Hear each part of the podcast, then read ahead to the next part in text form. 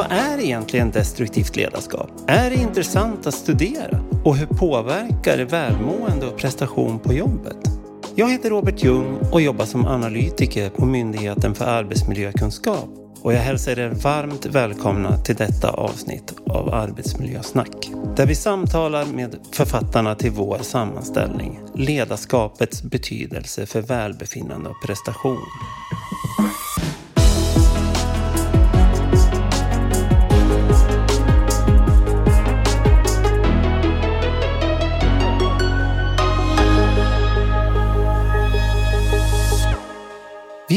Till Umeå för att träffa författarna till kunskapssammanställningen Ledarskapets betydelse för välbefinnande och prestation. Med mig i studion har jag Susanne Tavelin, Robert Lundmark och Andreas Stenling. Alla verksamma vid Umeå universitet och forskar om ledarskap. Ni nämnde tidigare någonting om, om destruktivt ledarskap. Robert, vad, vad menas egentligen med destruktivt ledarskap? Ja, men eh, precis som att ett konstruktivt ledarskap kan utgöra ett samlingsnamn för en rad önskvärda ledarskapsbeteenden så kan man tänka att destruktivt ledarskap är ett samlingsnamn för en rad oönskade ledarbeteenden. Det kan handla till exempel om beteenden som motverkar organisationens intressen genom att underminera mål, uppgifter eller resurser i organisationen. Men eh, det kan också handla om, och kanske framför allt är det det som studeras också, ledarskap som utgör ett hinder för medarbetares välmående och prestation. Sen har det visat sig också att det ska nog kanske inte bara betraktas som ett hinder utan också något som faktiskt bidrar till att försämra medarbetares välbefinnande och prestation. Och här kan man väl också tillägga att för att det då ska betraktas som något destruktivt så behöver det vara något som är återkommande. Alltså det handlar inte om en enstaka händelse utan upprepade beteenden som då beskrivs som destruktiva. helt enkelt. Det är också vanligt att man delar upp de här beteendena i både aktiva och passiva destruktiva ledarbeteenden. Där aktiva destruktiva ledarbeteenden handlar om kränkningar på olika sätt som en ledare utför i relation till medarbetare. Det kan vara allt från hot, aggressivitet eller ta åt sig äran för arbete som medarbetarna har gjort. Det kan också handla om mer passiva destruktiva ledarbeteenden. Och då brukar man oftast tala om att det är någon form av undvikande som är involverad. Alltså att man inte finns närvarande när man behövs eller är efterfrågad. Inte ger det stöd till medarbetarna som de önskar och behöver. Kanske inte dyker upp på möten där viktiga beslut ska fattas och så vidare. Okej, okay, men varför finns det egentligen ett intresse att studera det? Borde man inte istället liksom fokusera på vad, vad som gör en, en ledare bra? Ja, det kan man ju verkligen tycka och det är ju viktigt att faktiskt ta reda på vad det är som ledare behöver göra för att säkerställa att medarbetare mår bra och presterar väl. Men det är också viktigt att ta reda på vilka risker som finns, vilka hot som finns för medarbetares välbefinnande och prestation. Så egentligen är ju inte det här någonting annorlunda än hur vi tänker kring arbetsmiljö i stort, där vi ju försöker både identifiera vad det är som kan bidra till att förbättra en arbetsmiljö eller stärka en arbetsmiljö, men också ta reda på vilka risker som finns och hur vi kan hantera dem på olika sätt. Och här vet vi att destruktivt ledarskap har mycket omfattande negativa konsekvenser, både för medarbetare och för organisationerna i stort. Och vi vet också bland annat utifrån en prevalensstudie som vi nyligen har genomfört där vi tittar på hur medarbetare i Sverige upplever sina chefer termer av destruktivt ledarskap. Att det är ett rätt vanligt. Vi kan säga att lite drygt en tredjedel upplever att deras närmsta chef agerar destruktivt i något avseende, ofta till alltid. Så att både det att det är rätt allvarliga konsekvenser och att det är vanligt förekommande gör ju att det är en risk som är värd att ta på allvar och där behöver vi också fundera på hur vi kan hantera den risken på olika sätt. Men det utesluter ju såklart inte att vi också behöver veta hur man ska agera för att stärka arbetsmiljön och stärka välbefinnandet hos medarbetare. Du nämner prevalensstudie. Vad, vad menas med det? En prevalensstudie undersöker helt enkelt hur ofta någonting förekommer i ett visst sammanhang.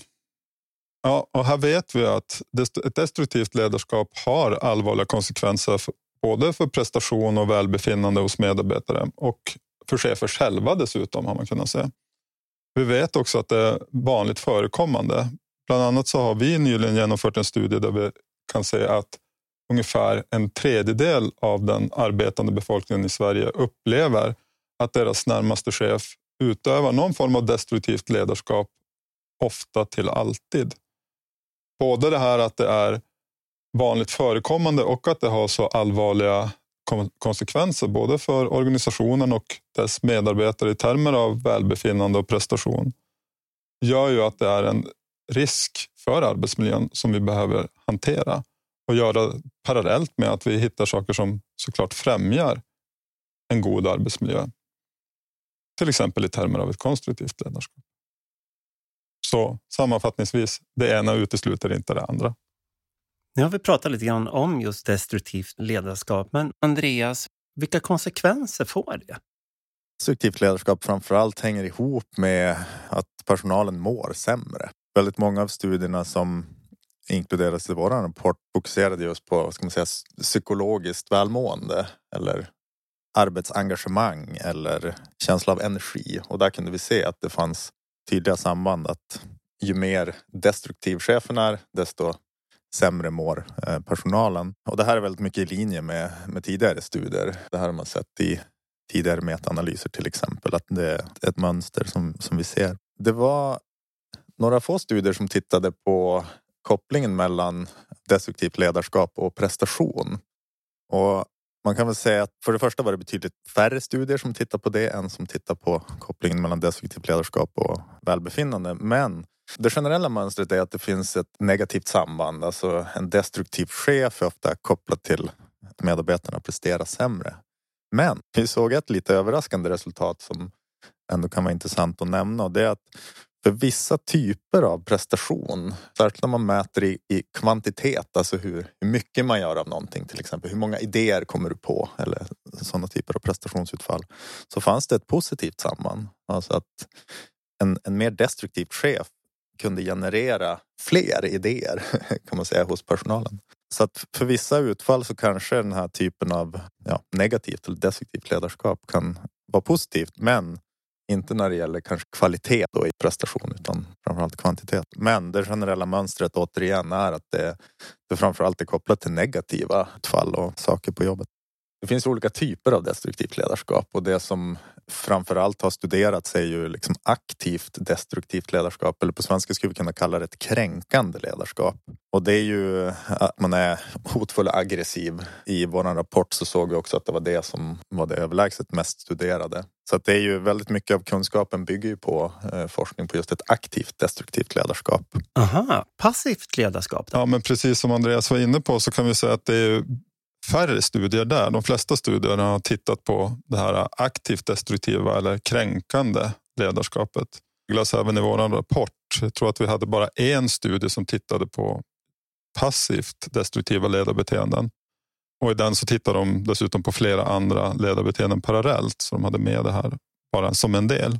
Vad det här beror på kan man ju fundera på, men en, en förklaring som ofta ges är att det här passivt destruktiva ledarskapet har man länge betraktat som en form av icke-ledarskap, alltså en antites till ett konstruktivt ledarskap om man så vill. Alltså frånvaro av ledarbeteenden helt enkelt.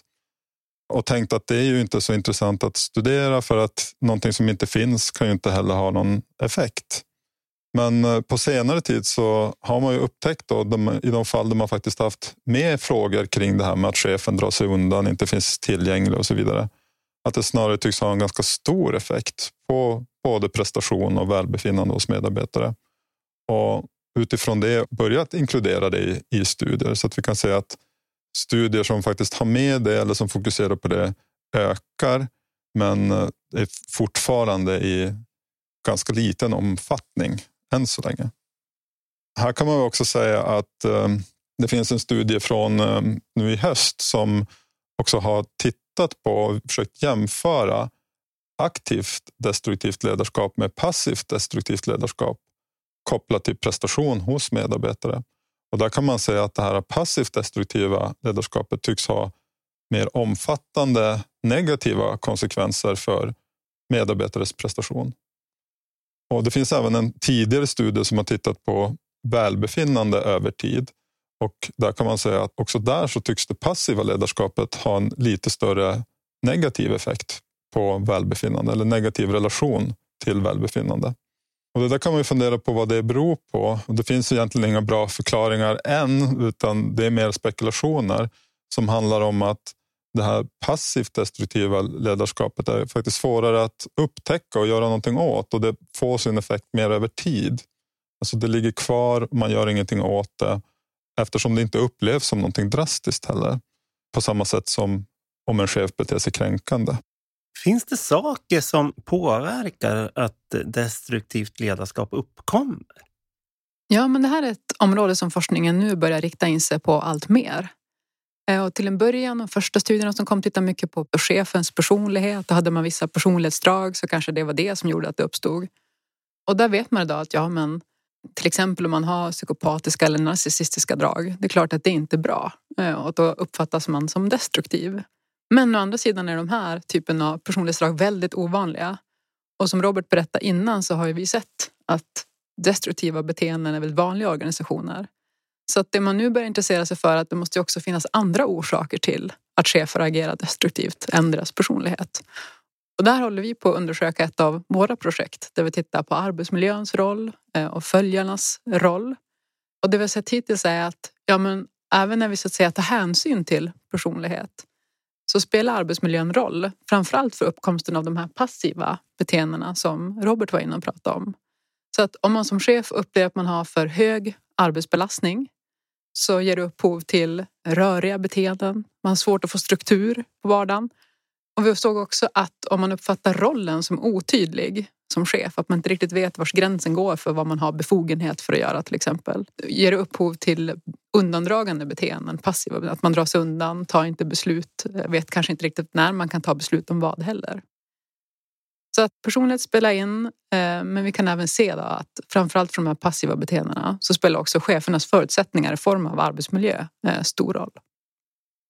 Ytterligare en aspekt som, som också har tagits upp i litteraturen när det gäller just det passiva ledarskapet och vad det är som bidrar till att det uppkommer handlar om att det kan vara ett resultat av en misslyckad strategi hos chefer eller ledare. Det vill säga att en ledare som försöker agera konstruktivt i relation till medarbetarna behöver också jobba med att utveckla medarbetaren på olika sätt. Och för att det ska kunna ske så behöver de lämna över ett utrymme till medarbetarna, till exempel genom att delegera ansvar.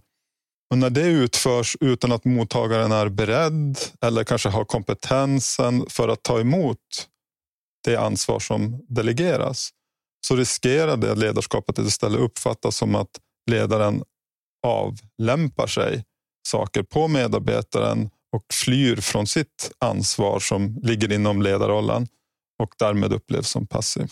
Får destruktivt ledarskap alltid samma konsekvenser? Ja, men att där såg vi i vår kunskapssammanställning att det beror lite på.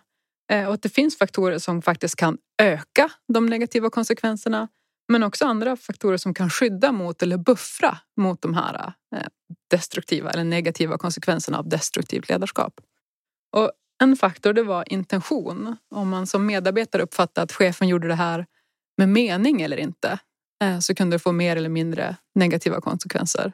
Så om man uppfattar att chefen verkligen gjorde det med mening så fick det värre konsekvenser. än om man tyckte sig tro att chefen inte menade det här igen. En annan faktor eh, var om man kombinerar det här destruktiva ledarskapet med att samtidigt vara konstruktiv. Att det var liksom ingen intention bakom. Upp en tilltalande vision. Om man gjorde det samtidigt som de här destruktiva så kom man lite grann som chef undan med det. För att man som medarbetare tänkte att ja, men det, chefen vill ju bara det här för att uppnå den här visionen. Och då kanske vi får ta lite skit om man så vill. Så att det, det verkar kunna finnas faktorer som gör att ibland får det ännu värre konsekvenser och ibland får det inte lika mycket konsekvenser. Intressant. Vad kan man göra åt ett destruktivt ledarskap? Ja, men det är en superviktig fråga. Och här saknas det också studieforskningen har inte riktigt hunnit så långt. Men man kan ju ändå spekulera utifrån de resultat som finns. Om vi tänker oss att ja, men till att börja med så kan man ju försöka undvika att välja de chefer som riskerar att utveckla destruktiva beteenden. Så redan när man rekryterar chefer så kan man utifrån det vi vet om personlighet försöka sortera bort de chefer som är sårbara för att utveckla destruktiva beteenden. Ja, en annan viktig åtgärd är att utveckla rutiner i organisationer, både för att fånga upp chefer som är destruktiva, att till exempel ta klagomål från medarbetarna på allvar eller kanske faktiskt också börja mäta destruktiva beteenden i medarbetarundersökningar. Sen tänker vi också att det är bra att ha rutiner för hur man faktiskt hanterar när man väl får kunskap om att en chef är destruktiv. Vad har man för rutiner för det? Och att man kanske också funderar på hur man kan hjälpa medarbetarna att i den mån man upplever att man har en destruktiv chef, vad gör man då? Vilka vägar ska man ta? Vem ska man prata med? Är det chefens chef eller är det HR eller skyddsombud och så vidare? Att man som organisation är tydlig mot medarbetarna vad man ska göra om chefen inte fungerar. Så att det finns en trygg väg som medarbetarna kan ta om man utsätts för det här. Sen tänker vi också att eh, det kanske är dags att inkludera vår kunskap som vi nu har om destruktivt ledarskap i ledarträningssammanhang. Ofta tränar vi ju på konstruktiva beteenden i ledarträningssammanhang. Men man kanske även skulle lägga in moduler för att göra chefer medvetna om vad destruktivt ledarskap är. Och tänk oss att till exempel det här med passivt ledarskap kanske chefer inte alls är medvetna om hur negativt det är. Ibland tänker man det kanske inte gör, jag kanske inte är så viktig och det finns, ingen, finns ing, inget illa ment med att man har dragit sig undan lite grann och kanske undviker mer än vad man borde. Så en annan väg framåt tänker vi är att, att inkludera moduler om destruktivt ledarskap och berätta vad det är och göra chefer medvetna om hur man kan eh, reducera sina destruktiva beteenden. kan man ju lägga till också att eftersom stress också kan ses som en utlösande faktor för destruktivt ledarskap så är det ju också av betydelse att titta över hur chefens arbetsmiljö och förutsättningar i allmänhet ser ut. Till exempel i termer av belastning. Och att reducera belastning då om den är hög kan ju också vara ett sätt att ta ner risken för att destruktiva ledarbeteenden utvecklas. Och här kan man ju tänka sig att det också lätt leder till en ond spiral. Alltså om det är en hög belastning allmänt och någon börjar bete sig destruktivt, om det då är chefen eller om det är medarbetarna, så möts det oftast upp av kanske liknande beteenden och så spinner det här vidare och så skapar man gemensamt en dålig arbetsmiljö. Så att se över förutsättningar både för chefer och medarbetare är ju ett viktigt förebyggande arbete också i att reducera ett destruktivt ledarskap.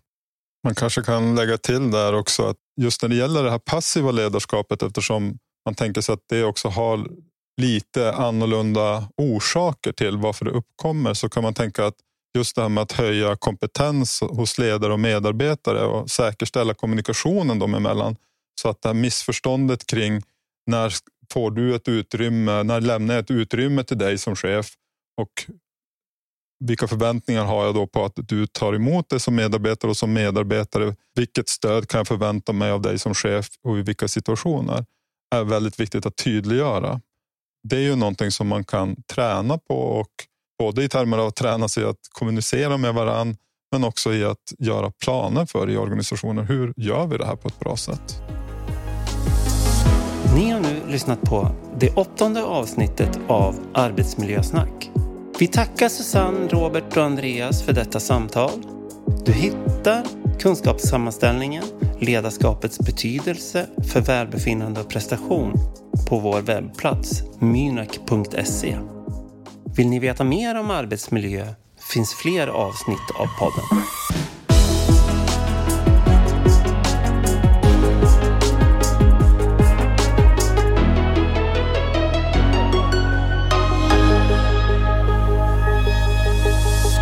Tack för att du lyssnat.